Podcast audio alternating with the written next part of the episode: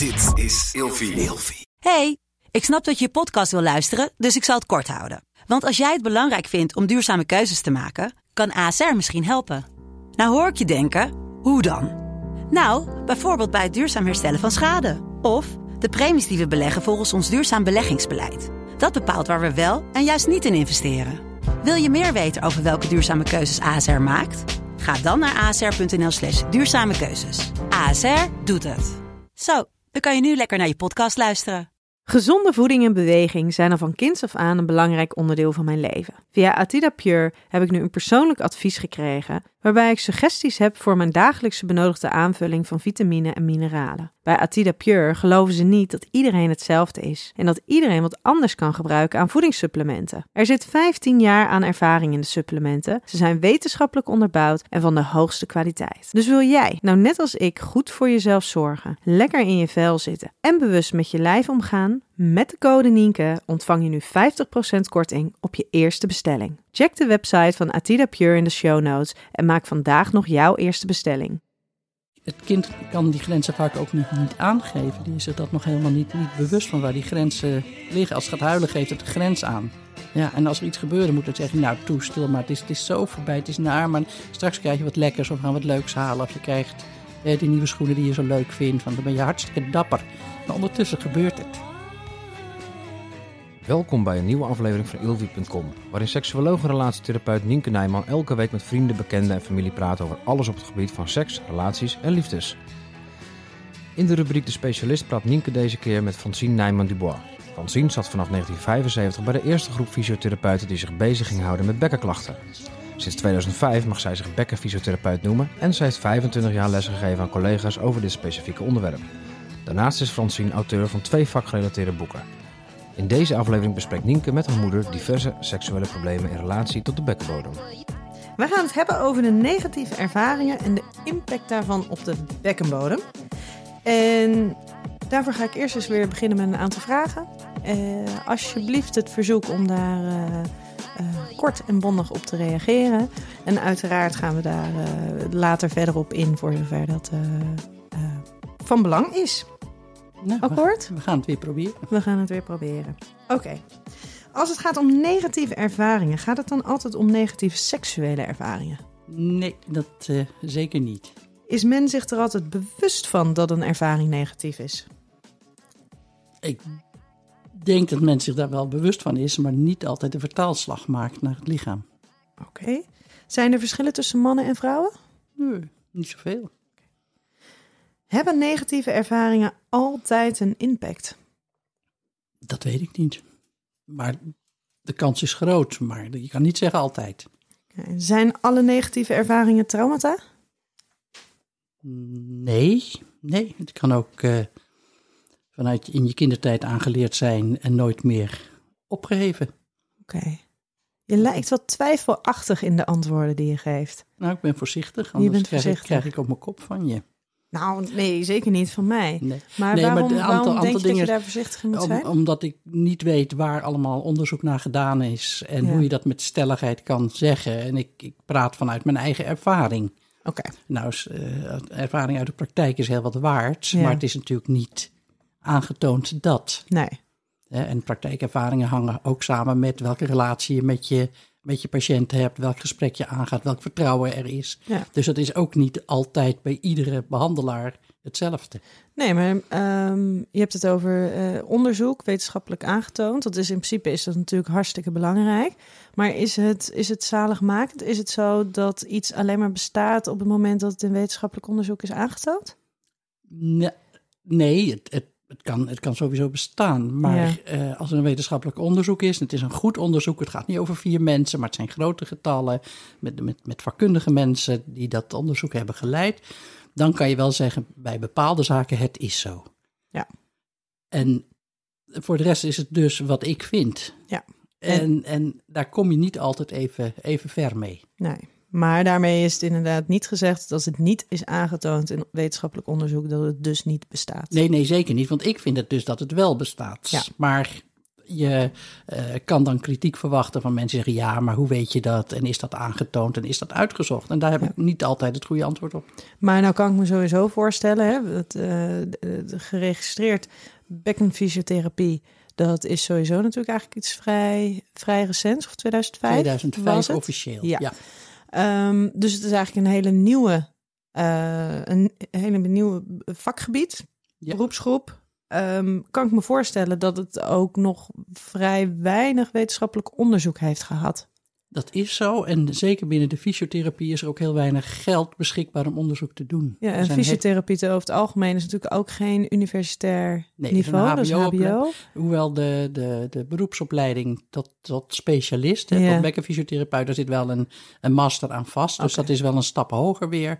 En, ehm, maar er is gewoon heel weinig geld. Heel veel fysiotherapeuten zijn zelfstandige. eh, de, de inkomsten bij voor fysiotherapeuten zijn niet overdreven hoog. Dus om dat zelf te kunnen betalen, nou, dat gaat eigenlijk niet. En er is geen bovenliggende partij die geïnteresseerd is in de effecten van. Want Ja. de verkoop, je verkoopt geen apparaten, je, je verkoopt geen medicijnen, meer of minder. Dus er zijn niet zoveel sponsors om Nee. onderzoeken eh, ja, te, te financieren. En eh, nog even terugkomend op dat, eh, dat, het, dat het geen universitair niveau is. Dat is absoluut niet om het, eh, het niveau van fysiotherapie eh, buiten onderuit te halen. Maar de mate van onderwijs dat er wordt geboden eh, is natuurlijk wel anders op HBO dan op universitair. Want universitair is veel wetenschappelijker ingesteld. En daar promoveren ook veel meer mensen op wetenschappelijk onderzoeken. Dus vandaar dat ik me eventjes zo, Ja, dat is- zo aanhaalde. Dat, dat is zeker zo. Wij als, als, als fysiotherapeut, als bekkenfysiotherapeut, leer je om mensen te behandelen. En niet zozeer om Niet wetenschappelijk onderzoek te verrichten. ja, klopt. Maar nou kan ik me ook Maar er zijn, voorstellen... er, er zijn er wel. Er, zijn, er is wel nu een, een academische tak die daarmee bezig is. Dat zijn de, de masters, dat zijn de, de, de, de specialistische opleiding eh, op de fysiotherapieopleiding. Dus die doe je later, dat is postacademisch, zeg Ja. maar. En nou kan ik me ook goed voorstellen dat een ehm boel van de eh, gerelateerde vakgebieden, zoals eh, de gynaecologie, zoals de, binnen de psychologie, binnen de eh trauma-gerelateerde vakken, dat die dus veel onderzoek doen, wel wetenschappelijk onderzoek doen, waar jullie ook veel informatie uit zouden kunnen halen. Daar halen we zeker informatie uit. Ja. Dat, dat is zeker zo. En binnen de, de fysiotherapie zie je ook nog eens mensen daarna bewegingswetenschappen gaan studeren. Wel een academisch, wel een universitaire opleiding. En eh, dan heb je die combi van die twee. En daar zie je ook wel dat daar onderzoekwerk uitkomt. En als we dan eventjes eh, gaan naar dat stukje negatieve ervaringen. Ehm, wat, wat interpreteer jij... Wat interpreteer jij als eh, negatieve ervaringen?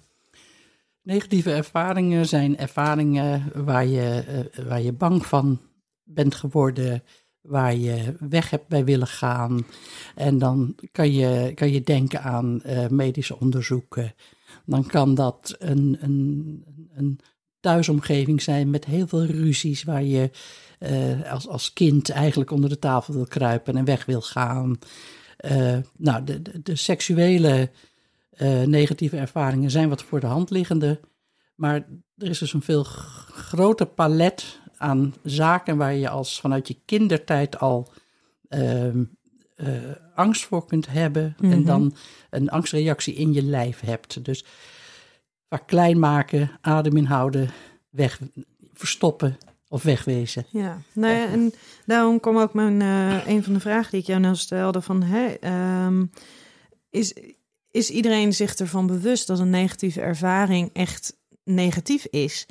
Want ik kan me goed voorstellen dat ook als kind zijnde, als er dan al situaties zich voordoet, of eh, eh, iemand bijvoorbeeld die veel medische onderzoeken heeft gehad, dat hij zich er helemaal niet zo dermate van bewust is dat ook dergelijke ervaringen, die wellicht wel gewoon noodzakelijk zijn, als negatief kunnen worden geïnterpreteerd, kunnen worden opgeslagen in je lichaam. En dat dat wel degelijk van impact is op, eh, nou ja, op je lijf en op de spanning die daarin wordt ervaren. Ja, dat, dat is gewoon zeker. Hè? Het, kan voor, het, het kan gedaan worden door iemand die het beste met je voor heeft. En, Mhm. en verstandelijk dat je dat zelfs begrijpt als kind, dat het allemaal nodig is.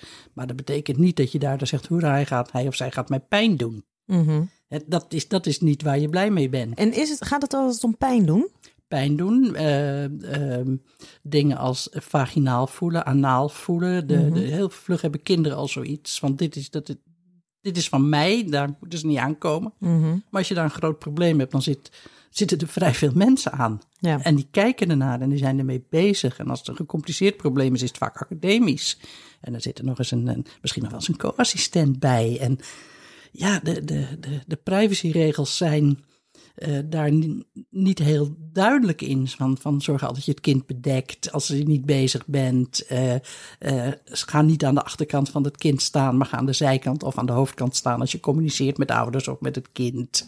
Um, het, het, zijn zo vaak zoveel kleine dingen buiten, buiten pijn, buiten, buiten de aanraking, die al maken dat het onveilig is. Ik denk dat dat een, een, een, een, een heel samenvattend woord is. Onveiligheid. Ja. Het ervaren van onveiligheid. En Controleverlies. Het ondergaan omdat het zo goed voor je is. En waarbij er dus zekere grenzen worden overschreden. Ja, maar die, het kind kan die grenzen vaak ook niet, niet aangeven. Die is zich dat nog helemaal niet, niet bewust van waar die grenzen liggen. Als het gaat huilen, geeft het een grens aan. Ja. ja en als er iets gebeurt, moet het zeggen, nou, toe, stil maar. Het is, het is zo voorbij, het is naar, maar straks krijg je wat lekkers of gaan wat leuks halen. Of je krijgt eh, die nieuwe schoenen die je zo leuk vindt. Want dan ben je hartstikke dapper. Maar ondertussen gebeurt het. Ja, maar kan het dan dus ook zo zijn dat, je dus, dat er dus van alles gebeurt? En dat kan inderdaad, uh, als bijvoorbeeld een medisch traject aan verbonden is, kan dat, dat vaker en langduriger zijn. Maar het kan ook eenmalig gebeuren. Ja.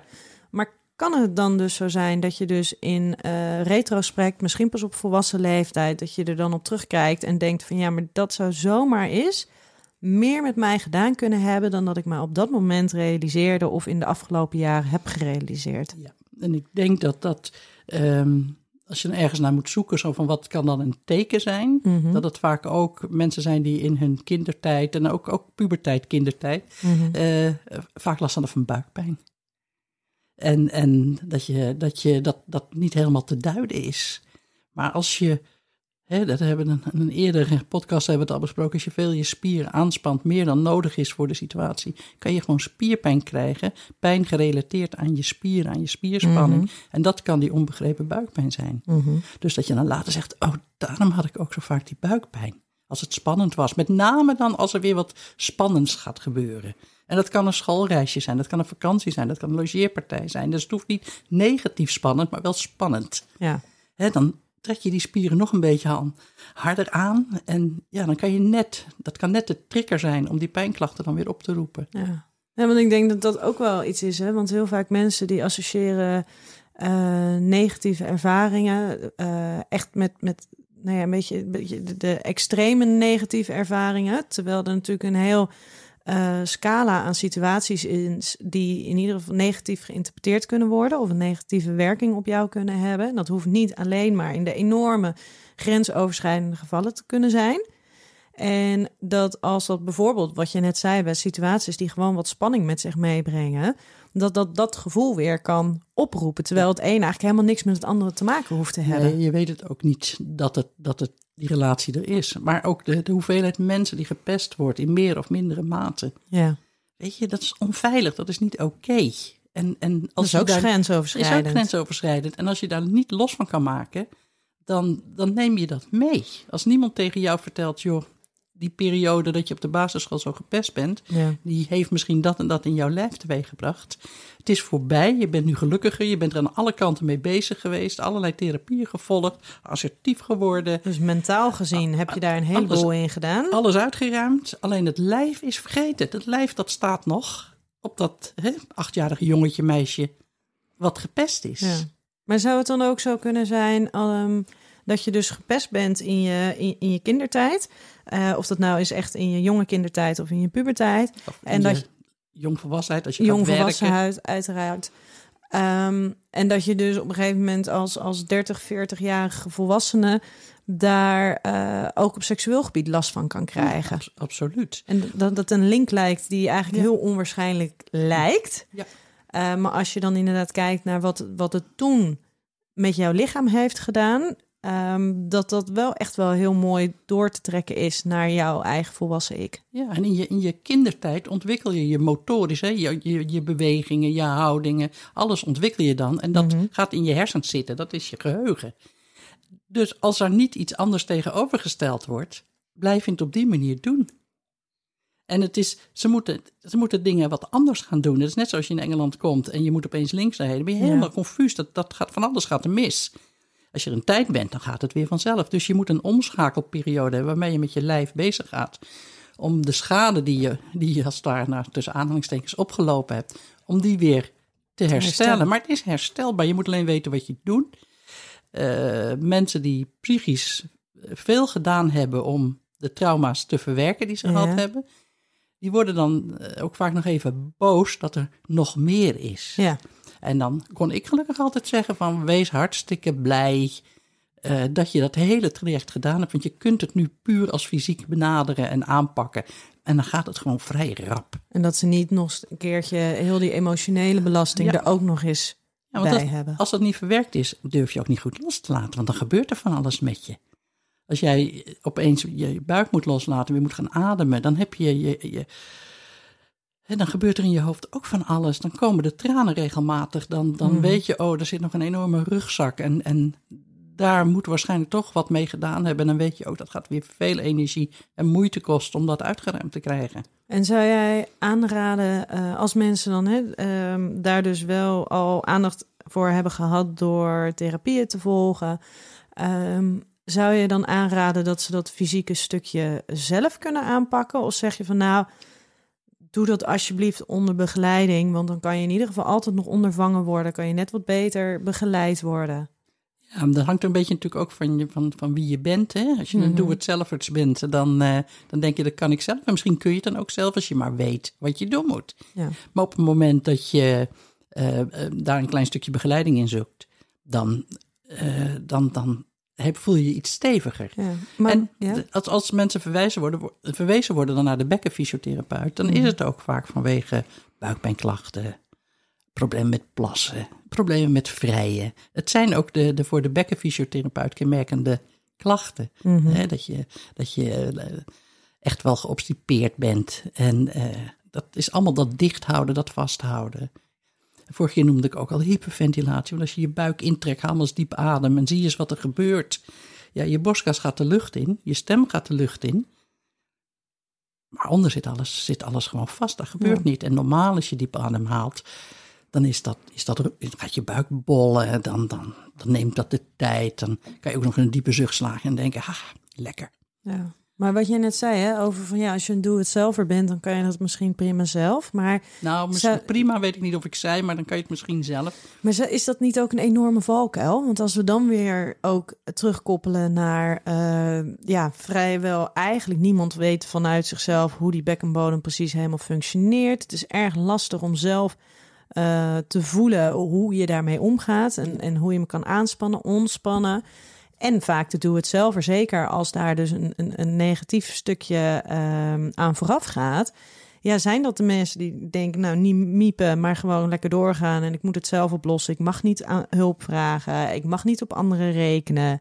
En dat ze juist in die valkuil eh, denken van, nou ook dit moet ik zelf doen. Maar dat het juist in zo'n geval heel helpend kan zijn om wel hulp te zoeken. Nou, daar, daar heb je ook helemaal gelijk in. Ik ben zelf natuurlijk een beetje altijd een doe-het-zelfert geweest. Dus ik zou dan op een gegeven moment denken dat, eh, dat doe ik zelf even. Of het zou lukken, dan eh, dat is natuurlijk een andere vraag. Eh, maar wel in je achterhoofd van als het nou niet wordt, geef jezelf een, een paar weken. En als je dan denkt van ja, het is nog precies hetzelfde als toen ik toen begon. Als je goede instructies van iemand zou krijgen wat je moet doen, dan ga dan naar iemand toe. En, maar ook dan is het natuurlijk weer een basis van, het gaat het weer op basis van vertrouwen. Ja. Want als je bij iemand terechtkomt waar je, waar je niks mee hebt, niks mee voelt, die net de verkeerde toon heeft, ehm,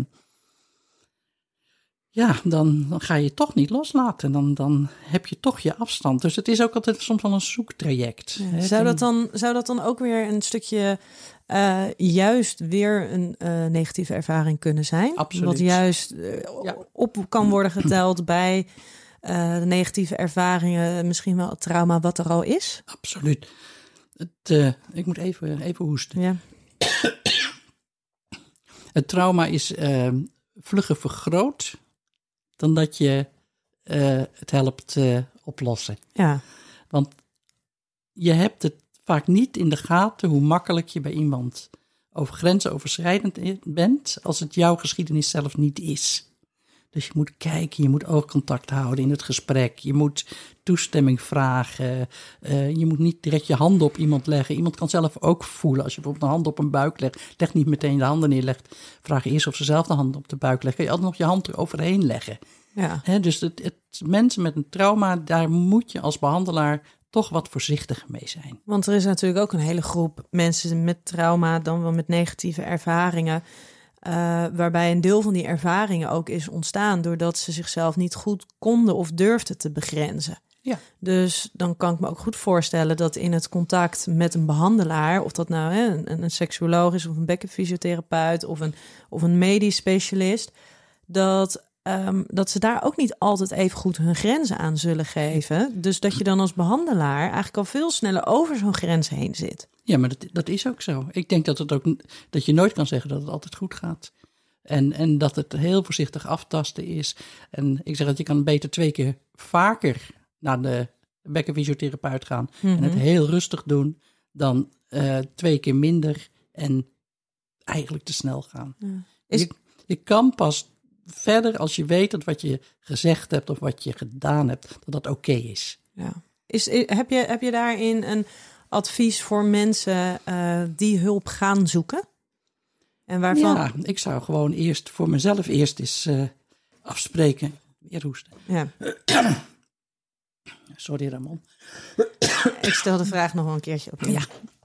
Ehm, heb je daarin een advies voor mensen die hulp gaan zoeken, die dus een verleden hebben met negatieve er- die een verleden hebben met negatieve ervaringen, waar ze misschien in eerste instantie niet eens zo heel erg van bewust waren, maar waar ze hè, op den duur toch wel wat achterkomen. Ehm, heb je daar een advies voor? Dat Ja. als ze hulp gaan zoeken? Ja, maak gewoon een afspraak. Doe eens een, een intake, doe eens een, een gesprek met iemand. Eh, spreek af dat er niet aan het lijf gezeten wordt, maar dat je eerst eens gaat kennismaken met Mag je, mag je dat zeggen? Jazeker, want jij bent degene die betaalt. Ja, als je een auto koopt en dat is niet goed, ga je toch ook terug naar de garage. En dan zeg je, nou, de volgende keer ga ik niet meer naar die garage toe, want dan waren ze zo waardeloos. Maar is het zo dat diegene betaalt of is het zo dat diegene eh, recht heeft op goede hulp? Eh, je, je hebt recht op goede hulp, maar je bent dan ook nog degene die betaalt. Dus als jij bij iemand komt waarvan je denkt, dit klikt helemaal niet. Ik, ik merk dat ik terug ga zitten in mijn stoel, dat ik in elkaar ga zitten, dat ik, dat ik Maar dan moet je al een heleboel voelen. Dan moet je al een heleboel voelen, maar je, eh, ik denk dat je ook voelt als het oké is. Oké. Als je iemand in de ogen kijkt en je Ja. denkt, Zit, zit daar dan misschien het, het, het grotere eh, verschil in, of misschien wel een makkelijkere verschil? Dat als het, ehm, dat misschien voel je het nog niet helemaal eh, hoe je jezelf daar ehm, presenteert en wat er in jou allemaal opgaat. Maar dat het dan makkelijker is om uit te gaan van het idee van, nee, maar als het goed is, dan voel ik het. dan voel ik het. En als je een goede behandelaar hebt, dan ziet hij dat je weg gaat zitten. Ja. Dat je bij hem of haar weg wil. Jij, jij praat over eh, seksuele problemen Mhm. eh, en relatieproblemen. Als jij merkt van ik voel dat deze mensen bij mij weg willen, Mhm. ehm, dan zie je dat, dan merk je dat. En dan maak ik het bespreekbaar. En eh, ja, of je denkt, ik moet een versnellingje lager. Ja. Ik moet dit onderwerp nog niet aanspreken. Ik moet even nog een, een zijpad maken, want we moeten nu het contact leggen. Maar dan moet je als therapeut moet je wel heel erg aanwezig zijn. Ja. En heel erg kunnen invoelen en, en alles, ja, alles kunnen waarnemen wat er gebeurt. Ik denk dat als er een, een- bij de bekkenfysiotherapeut iemand komt met spanningsklachten, Ja. dat je altijd alert moet zijn dat er eh, een of ander trauma bij kan zitten. En dus- dat jij ook dat, dat niet moet, moet kaderen zo van het is klein of het is groot, daar heeft er niks mee te maken. Het heeft te maken met wat voor impact heeft het gehad op degene die tegenover je zit. Mhm. En hoe voorzichtig moet ik zijn om niet bovenop dat trauma nog een keer te gaan staan. Zou dat jouw advies zijn richting eh, hulpverleners? Ja. Dat je er dus, als je iemand ziet, dat je er dus eigenlijk bij voorbaat al vanuit moet gaan dat daar een trauma eh, heeft plaatsgevonden, dan wel dat er negatieve ervaringen Ja. zijn geweest. Ik moet eerlijk zeggen dat ik zelf altijd zo werk. Eerst eens even kijken, hoe komen we bij elkaar? Hoe voelt het? Wat signaleer ik? Waarom? Die spanning zit er niet voor niks. Die is, die is ergens. En als je goed naar mensen om je heen kijkt, als je in een, in een ruimte werkt met meer mensen, dan, en je let op mensen, dan, dan kan je soms al in de, in, de, in de lichaamstaal, de lichaamshouding, de ontspannende van de iets meer gespannene zien. En dat is, dat is zwart-wit, dat weet ik ook. Maar als iemand altijd gespannen, altijd wat teruggetrokken is, dan, dan, dan zit er een boel spanning in het lijf. En uh, het is zichtbaar, je moet alleen kijken naar mensen. En het, sommigen zijn heel goed in het, in het verbergen, maar dan hebben we het vaak over hele grote traumata. Mensen die er al Ja, die zo al- lang toneel ja. spelen dat, ze dat ze daar heel goed in geworden zijn. Ja. Ehm, afrondend. Ehm, negatieve ervaringen. Die hebben dus een impact op het lijf. Ja. Negatieve ervaringen, die, het kan best zo zijn dat je op dat moment ze niet als dusdanig negatief ervaart. Maar dat dat wellicht in de loop der jaren komt. Kan zijn dat de dingen ehm, eenmalig gebeuren. Dat ze frequenter zijn. Dat je rationeel hebt kunnen bedenken dat dat nodig was.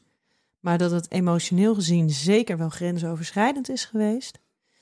En het kan daarmee ook zijn dat het dus eh, zelfs op, op het niveau van gepest worden eh, in je kindertijd, dat dat zo'n impact heeft op, op jou, op je lijf, dat dat in, jou, in jouw volwassen seksuele ik ook nog eens kan leiden tot spanning in die bekkenbodem met daarbij horende seksuele klachten. Ja, en, en dat kan dus zelfs iets simpels zijn als als kind veel blaasontsteking gehad hebben. Veel pijn in je buik gehad hebben. Dat van daar- daaruit het zich ontwikkeld heeft. Dan denk je, Ja. ja, er is nooit iets, niets bijzonders gebeurd. Maar er is wel iets geweest waar je op gereageerd hebt. Waarbij jouw lijf dat ervaren heeft als pijn. Ja. Vasthouden, pijn hou je vast. Snijd maar eens in je vinger je houdt Ja. je omhoog en houdt je stijf. En ja, zo, zo werkt dat dus in het lijf. Nou, en ik vind het ook wel mooi inderdaad om, ehm, om er bewust van te zijn dat ook al eh, hebben mensen dus heel veel aandacht gehad voor een stukje mentale verwerking. Ehm, dat dat niet altijd inhoudt dat dat lijf tegelijkertijd meedoet. En dat Ja. het ook belangrijk is om ook echt specifiek aandacht te hebben voor dat fysieke herstel. Ja. En te zien wat het met jouw lijf heeft gedaan. die groep die zou je eigenlijk altijd van als, als psycholoog, als, als psychotherapeutisch behandelaar, zou je bijna altijd advies, advies moeten geven. Ga nou ook nog eens eventjes naar die bekkenfysiotherapeut, want waarschijnlijk zit je lijf zo aangepast aan die situatie dat, die, dat het losser moet gaan. Ehm, we gaan hem afronden. Mooi. Dankjewel hiervoor. En dan gaan we weer een mooi onderwerp verzinnen voor de volgende podcast. Ja, ja we we zijn, wij praten veel met elkaar, dus er komt altijd wel weer wat boven. Hè? Ja, ja. dankjewel.